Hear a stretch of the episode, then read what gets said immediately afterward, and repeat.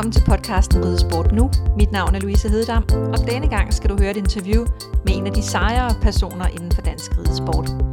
Han blev tidligere i år nomineret til en FEI Against All Odds Award, og han er netop blevet nomineret til Årets Fund af DIF og Team Danmark og Politikken. Det er en pris, der uddeles den 29. december. Hvis du ikke allerede har gættet det, så kan jeg afsløre, at der er tale om paradressurrytter Tobias Thorning Jørgensen, som på sejeste vis vandt to guldmedaljer ved EM tidligere i år. Jeg fangede Tobias under World Cup-stævnet i Herning tidligere på efteråret, nogle timer før han skulle ind og være med i det store galashow sammen med sin nye partner in crime, Jolene Hill. Vi starter lige på med øh, dobbeltguld til EM og øh, holdbronze. Tobias Thorning Jørgensen, tak fordi du har øh, tid til at, at komme og lave et interview med mig i dag. Selv tak. Jeg synes, det er spændende og fedt at være med. Det lyder godt, og øh, stort tillykke med dine præstationer til, øh, til EM. Mange tak. Du skal gøre mig og, og lytterne af, af ridesport nu lidt klogere på paradressur, og, og jeg på et eller andet tidspunkt kommer vi nok også til at snakke om, om, om det er irriterende altid at skulle forklare, hvad det er, man laver. Men, men jeg kunne godt tænke mig, bare lige for at man er sådan lidt med på forudsætningerne, når man sidder derude og lytter, at, øh, at du fortæller os lidt om, hvad forskellen på, på de her grader i paradressur er. Du er grad 3, øh, så vidt jeg har forstået. Hvad, hvad er forskellen på de, de forskellige grader? Altså, vi har opdelt de fem grader alt efter, hvor handicappet man er. Grad 5 er dem med mindst handicap, og grad 1 er dem med mest handicap. Og den store forskel i de forskellige er egentlig, hvordan man bliver testet. Fordi man bliver testet på, hvor god man er, sådan uden hest, men også på hest. Så man i de forskellige grader er nogenlunde lige i forhold til, hvad man kan gøre på hesten. Og derfor kan man se meget stor variation i forhold til de forskellige handicap i de forskellige grader. Og, øh, og kan du sige sådan lidt om, hvordan I, I har det, hvad, hvad der er jeres øh, forser og ulemper, jer der rider grad 3? Altså i grad 3, der er det meget med, at vi har påvirket både i arm og ben, eller rigtig meget i en af delene. Og der er det tit især i benene. Så vi har både mig, som har både ben og hænder, men også nogen, som ikke har nogen ben. Og derfor er vores store problem især i skridtarbejdet, når vi skal lave bagpartsvendinger og få hesten til at øge og frem og tilbage ridningerne. Okay, så tror jeg, at vi er nødt til bare lige at tage et lille spring øh, ud af, af, af snakken om, øh, om grader og så videre, og lige få sat på plads. Hvad er det, dit handicap er? Mit handicap det er, at jeg har en øh, sygdom, som gør, at jeg bliver meget hurtigt træt i musklerne og ikke rigtig kan opbygge dem igen. Og derfor har jeg svært ved at bruge mine ben og mine arme særlig meget, fordi de to ting er øh, hårdere ramt end øh, resten af kroppen. Og jeg kan så lige sige, at øh, vi har fundet et sted her øh, til, øh, til øh, World Cup-stævnet i Herning, hvor der ikke er sådan helt vildt meget øh, larm. Øh, jeg har sat mig ned på en sofa, og du sidder over for mig i din ja, øh, kørestol, men som også har et hjul foran, øh, og den er, den er med motor på. Øh, hvad hedder sådan en?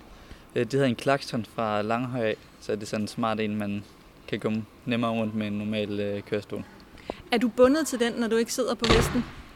Jeg er ikke bundet af den. Jeg bruger den meget rundt. Altså, jeg kan godt gå i kort afstand med hjælp, men jeg kan ikke gå længere afstand, så derfor bruger jeg den stort set hele tiden, når jeg er ude og hjemme. Man kan sige, øh, der er ikke rigtig nogen grund til, at du skal være i skyggen af nogen herhjemme efterhånden. Øh, om ikke andet, så har, har EM i, i år i hvert fald bevist, at, øh, at du kan det, du skal kunne. Men jeg tror, når mange hører paradressur, så tænker de på Stina, Stina Tange, som, som jo også er helt fantastisk dygtig, men som er... Øh, for udenforstående virker hun mere handicappet, fordi hun simpelthen mangler sine ben. Øh, hvor, hvor, hvor ligger I i forhold til hinanden, øh, gradmæssigt og handicapsmæssigt? Altså hun ligger en grad lavere end mig, fordi hun jo som sagt mangler benene og har noget i ryggen. Men hun har også styrke i armene. Og man kan sige, det er netop det med, at hun har ramt rigtig meget i en af delene, og ligger derfor i en grad, fordi hun ikke har nogen ben, og derfor ikke kan lave de ting. Hvor i grad 3, der kan vi jo godt gøre det, vi er bare svære ved det. Og altså, det er svært at sige, hvordan vi ligesom ligger op mod hinanden, fordi at vi dyster aldrig mod hinanden, og vi har så to så forskellige handicap. Det vil vel lidt det samme som at spørge en pony dressurrytter og en hest dressurrytter, hvordan de ligger i forhold til hinanden. Lige præcis. Okay. Hvad så med hjælpemidler, når du sidder på hesten? Øh, hvad har du med der, eller hvad, hvad, hvad er anderledes for dig, end det ville være for, for mig, hvis jeg øh, gik ud og skulle ride et, et dressurprogram? Altså nu har jeg altid reddet, og derfor også reddet, inden min sygdom ligesom er gået i udbrud. Så jeg har haft svært ved ligesom at fastlåse mig til nogle af de hjælpemidler. Så den eneste hjælpemiddel, jeg rigtig bruger, det er mine specielle tøjler, som er lykketøjler, og så har jeg en pisk med. Det er det eneste, jeg bruger, for jeg synes, jeg blev for fastlåst, hvis jeg skulle spændes fast til hesten. Og, øh, og, og hvad er det øh, for, for fordringer? Hvad kræves der i de programmer, I rider i din sværdsgrad? I min sværdsgrad der er det meget blandet, fordi vi har meget, vi rider på 20-40 bane, og vi har meget svært ved at komme rundt, fordi vi har for eksempel i gang tre buer rundt på en 20-40 bane med skridtovergangen. Og det kan være svært at komme rundt, så det er meget i forhold til geografien at komme rundt. Hvor sværdsgradsmæssigt ligger den ikke særlig højt, før vi kommer i kyren, hvor vi så til gengæld må have alt med undtagelse arrangementer og galopøvelser. Okay, så, så øh, ikke noget som helst i galop, men ellers øh, stort set, hvad man kunne forestille sig? Ja, vi må godt have galop med, vi må bare ikke lave chancemanger og højere sværhedsgrad end volder i galop og sådan noget, for at vise, at vi kan det. Jeg har glædet mig til, til det næste, jeg sådan har skrevet ned, at vi skulle tale om, nemlig dine heste. Øh, og, og da jeg sad og lavede det her øh, oplæg til det, vi skulle tale om i dag, der skrev jeg heste, fordi øh, der var øh, Hilde, altså den, der i virkeligheden hedder Brunholms øh, Caribbean, eller Caribbean, hvis man er til den udtale, og, og så den nye Jolene. Mm, men nu er der kun Jolene. Ja, desværre måtte jeg indse, at tiden ikke var der til to, selvom det ville være det optimale, og Hilde har udgået sin tjeneste. Nu har haft hende i fem år, og hun har bare været på toppen, og desværre været pladet af en del uheldige skader, blandt op imod øh, VM i Trøren. Så jeg synes bare ikke, det var fair, at hun skulle være anden hesten mere. Og så har vi fundet en helt fantastisk pige, der nyder hvert minut med hende. Og så har jeg valgt at sige, at hun skal være første hesten igen. Og, øh, og det skete i den her uge, ikke? Jo, det skete i tirsdags. Hvordan, øh, hvordan føles det? Altså, det har været svært at, ligesom at se på boksen, der lige pludselig var tom. Men heldigvis ved jeg, at Hilde har det fantastisk, og jeg har fået billeder og opdateringer hver dag, og hun kunne ikke have det bedre. Hun har det som blommen i et æg, hun har det fantastisk, og det er bare det, der er vigtigst for mig. Og, og når du siger, at det havde været optimalt at have to, men, men at, at tiden og overskud ikke er der til det, hvor, hvor meget af det hænger sammen med din, med din sygdom?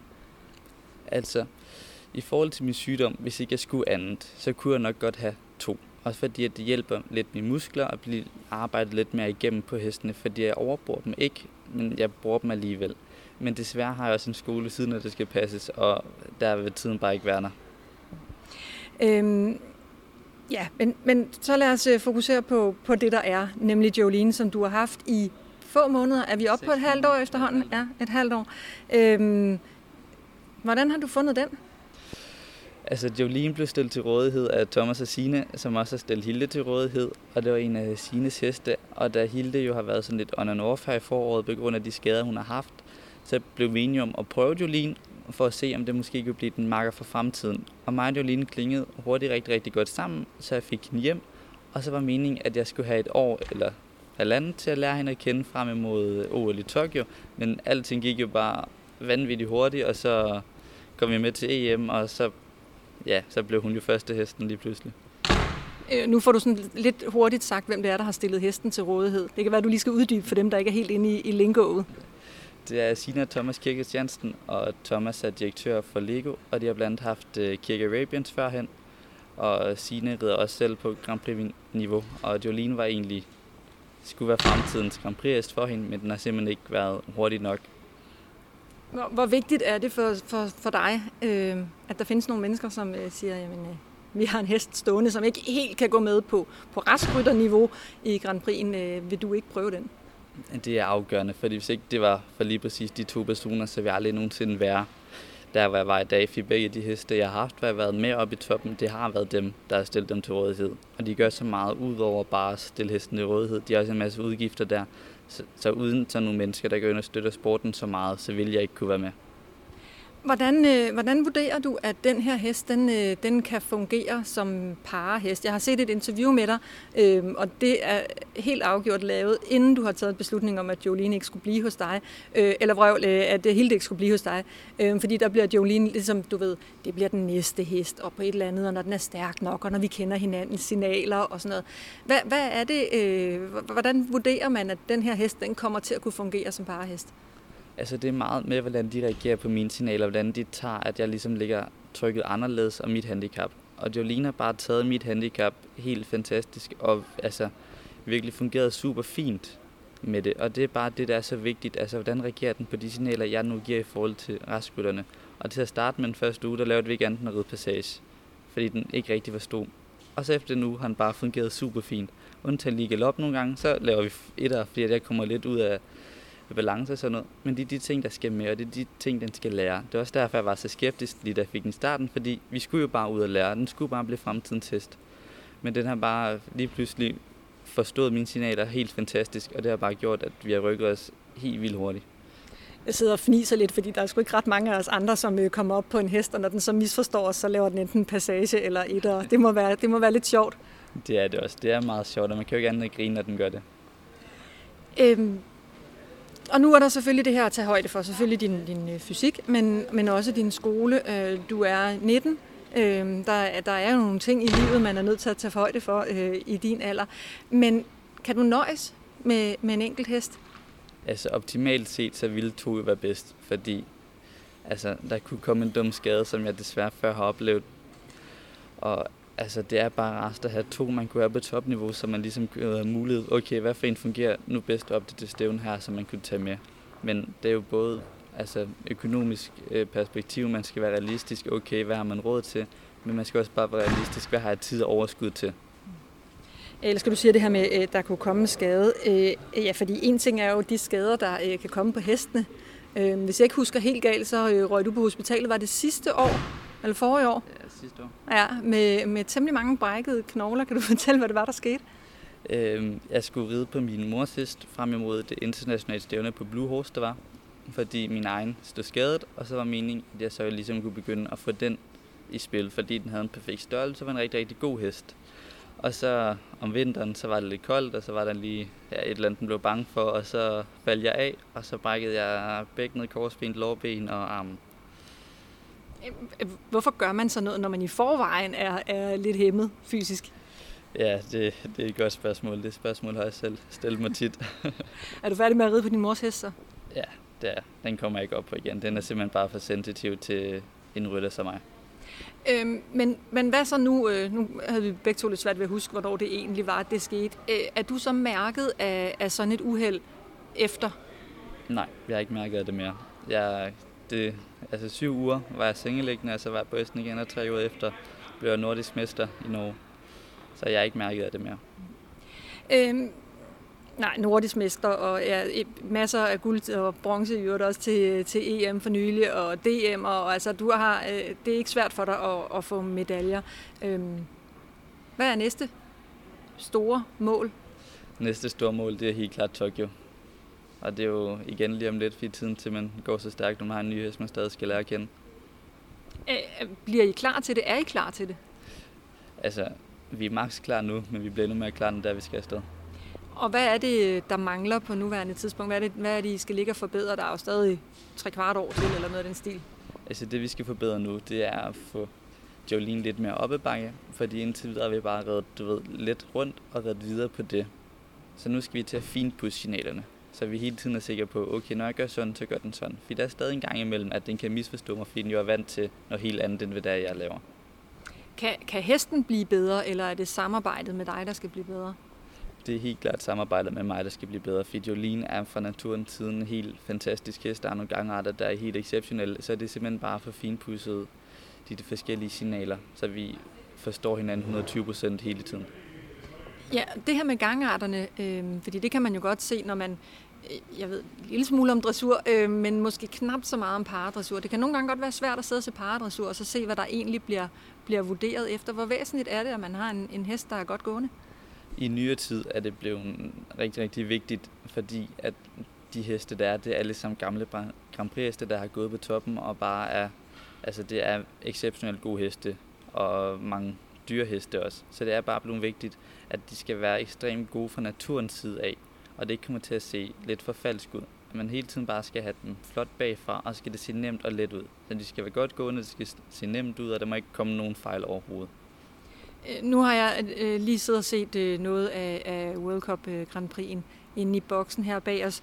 Øh, jeg nåede at se øh, Katrine, som har, øh, Katrine Dufour, som har Bohemian med, og, øh, og Daniel Bachmann Andersen, som havde sagt med. Øh, der er jo, altså de der Grand Prix-heste, hold nu op, der er power i. Ikke? Øh, der var lidt misforståelse mellem Daniel og Sak, hvor man også sådan tænker, der skal altså noget, der skal noget muskelkraft til at holde sådan en hest. Kan, kan I det? Kan du det? Holde en, en Grand Prix-hest, der er tændt og klar? de heste der, der er aldrig nogensinde kunne komme til at holde rundt, fordi der skal så meget sæde til, at det vil jeg simpelthen ikke have. Så derfor er det så vigtigt, at det er en hest, der på en eller anden måde er afslappet og bare giver efter og kommer naturligt bagfra. Ikke en Grand Prix hest ikke gør det, men de kommer sådan lidt mere bang. Og det skal man have noget foran. Og det har jeg simpelthen ikke. Altid fedt, når, man, når der er nogen, der siger bang, og der er så nogen, der smækker en dør. Ja. En god lydeffekt. Øhm, det her med at, at, øh, at egentlig være, være handicappet øh, og, og faktisk blive sat af fra, fra det, som du siger, at din sygdom den udviklede sig. Altså, du, du har reddet som raskrytter eller, altså, til at starte med. Hvordan er det? Hvordan er det at, at stå op om morgenen og så, og så blive værre? Jeg lægger ikke mærke til det mere. Jeg havde en overgang, da jeg var 13-14 år, hvor jeg synes det var svært ligesom, at skulle acceptere, at jeg ikke længere var ligesom alle de andre. Jeg kunne ikke spille fodbold eller sådan noget mere. Og så da jeg ligesom accepterede det, så er det blevet nemmere. Også fordi jeg hele tiden har haft hesten, jeg kunne komme ud til, og hele tiden kunne ride forskellige MB og sådan noget herhjemme, så jeg hele tiden har dystet mod rask, selvom jeg har været handicappet. Og det tror jeg helt klart har gjort det nemmere for mig at acceptere, at det gør, at jeg ikke er ligesom andre af hesten, men på hesten kan jeg stadig være lige så god som de raske. Mm. Øh, din mor er jo også øh, pararytter. Hvor meget betyder det? Det betyder rigtig meget, for jeg er jo kommet ind i parverden igennem hende, og derfor kender jeg også alle dem, der er der nu, fordi det er jo mange af de samme personer. Og det gør også bare, at jeg har følt mig meget velkommen, og med det samme ligesom er kommet ind og været en del af holdet, i stedet for at jeg skulle til at lære folk. Og det har gjort, at det bare har været meget nemmere. Og så ligesom hele tiden kunne have et forbillede i min mor at se, hvad hun opnået, og, altså selvom hun har haft den sygdom her. Bliver du værre, eller, eller er du der, hvor du kommer til at være i lang tid nu? Forhåbentlig er jeg der, hvor jeg kommer til at være, fordi der har ikke været ligesom noget ryg i min sygdom, fordi normalt kommer det sådan en ryg, hvor så et halvt år, hvor jeg bliver hurtigt værre, og så ligesom så det stille lidt, og så bliver værre. Og det ryg har jeg ikke haft længe, så jeg satser på, at forhåbentlig er her, hvor jeg skal være. Mm. Øhm, nu er jeg også en amatørrytter, ikke? og jeg burde løbe nogle ture et par gange om ugen, og jeg burde også lave nogle, øh, nogle maveøvelser og noget alt muligt andet.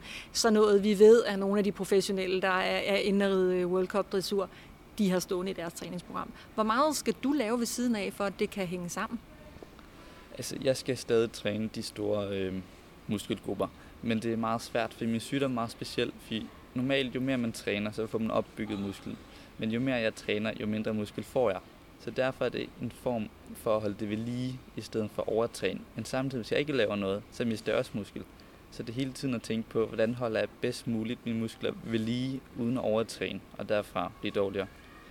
Ja, det lyder, det lyder jo nærmest umuligt. Er, er der nogle, øh, jeg vil lige sige voksne, det ville jeg også have sagt, hvis det var mig selv, og det har ikke noget at gøre med din alder, men er der nogle, nogle fagpersoner eller sådan noget, man er nødt til at være tæt knyttet til for at have den balance, eller kan man mærke det? Kan du mærke det selv?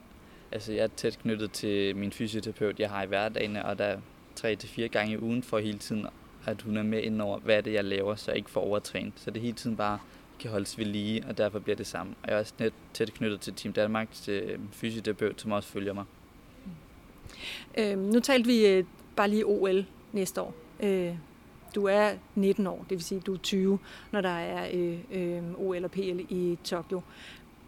Hvad er det hedder målene sådan på, på længere sigt? Hvad skal, hvad, hvor ser vi dig henne? Altså, nu til Tokyo, der er målet jo helt sikkert at få medalje, og jeg ser jo gerne den af guld, og på længere sigt, så har jeg en hest, som kan udvikle sig rigtig, rigtig meget, og jeg håber på, at den kommer til at gå forhåbentlig også Paris, og gerne mere, og altså, jeg har altid haft et mål, der skulle være, at jeg gerne vil være den bedste, og det er også det, målet er til fremtiden. Altså, jeg vil lige sige, oven på det her EM, øh, så tænker jeg, at du er sådan en rimelig stor favorit. Hvad er din egen vurdering, og nu må du gerne være, være ung og lidt kæk, hvad er din egen vurdering i forhold til, altså du kender de andre ryttere, øh, du kender dem, du skal ride mod. Øh, hvad, hvad, hvor, hvor langt er du fra at være den bedste? Altså i min egen grad lige nu, så er jeg den bedste. Og det er også det målet forhåbentlig skulle være næste år. Nu kommer der en englænder, som har altid været top med poppen, kommer tilbage fra mod Tokyo så jeg vil få mere konkurrence i Tokyo. Men det er også kun sundt, at mere konkurrence, fordi så er jeg mere trænet frem imod. Men altså, jeg er ikke i tvivl om, at jeg kan være den bedste i min grad, og det er også det, der er målet. Øhm, du er 19, og det er selvfølgelig rigtigt nok, at du kan ikke rende rundt og spille fodbold, øh, som, som man jeg ved ikke, om man gør, når man er 19, men som man i hvert fald måske gør, når man er et par år yngre, og sikkert også et par år ældre igen. Øhm, men du skal til Tokyo. øh, og, og med til, til altså noget af det største, man overhovedet kan opleve som, øh, som idrætsmenneske. Øh, hvor meget betyder det? Altså, det er fantastisk at kan få sådan en mulighed og sådan en oplevelse, selvom jeg har de skavanker, jeg nu har. Og det er bare så livsbekræftende, at selvom man har de ting, så kan man stadig opnå store ting. Og hvis du nu, øh, hvis vi nu sagde, at du også kunne være et forbillede for andre, der kan jo sidde nogen, øh, som faktisk også har et handicap, og egentlig har tænkt, at jeg kommer aldrig til at dyrke noget, jeg kommer aldrig til at bruge min krop til noget. Hvad vil du så sige? Jeg vil sige, det bliver ved med at drømme om det, for hvis du kan drømme det, så kan du også gøre det. Og det er bare at blive ved med at knokle på. Og hvad har det betydet for dig, at du kan være en sportsmand med dit handicap? Altså det har bare gjort, at hverdagen er blevet meget nemmere, fordi lige meget hvor glad man er for livet, så når man har de skavanker, man har, så kan man godt blive sådan lidt trist og irriteret, hvorfor lige mig? Og det har bare betydet alt, at jeg altid har en hest og en sportsgren, og kan gå ud og være en af de bedste i, for det er bare, at så har man ligesom noget at kæmpe frem imod. Tobias, øh, jeg vil ønske dig alt muligt held og lykke øh, med Jolene og med øh, især de helt store mål øh, og, og OL næste år. Og tusind tak, fordi du ville være med. Selv tak, det var hyggeligt. Jeg håber, at du, der lytter med, har haft mulighed for at opleve Tobias til hest. Det er ret vildt, hvad han kan, hans handicap taget i betragtning. Og i talende stund ved jeg altså ikke, om Tobias ender som årets fund her i slutningen af året. Faktisk er der to ryttere nomineret. Den anden er den unge springrytter Emil Hallundbæk. Jeg krydser fingre for dem begge to. Måske en anelse mere for Tobias. Hvis du vil følge lidt med i, hvad der foregår øh, i mit hesteliv, så kan du læse min blog inde på Writers Notebook. Den hedder louisehededam.writersnotebook.dk Det var alt for nu. Vi høres ved.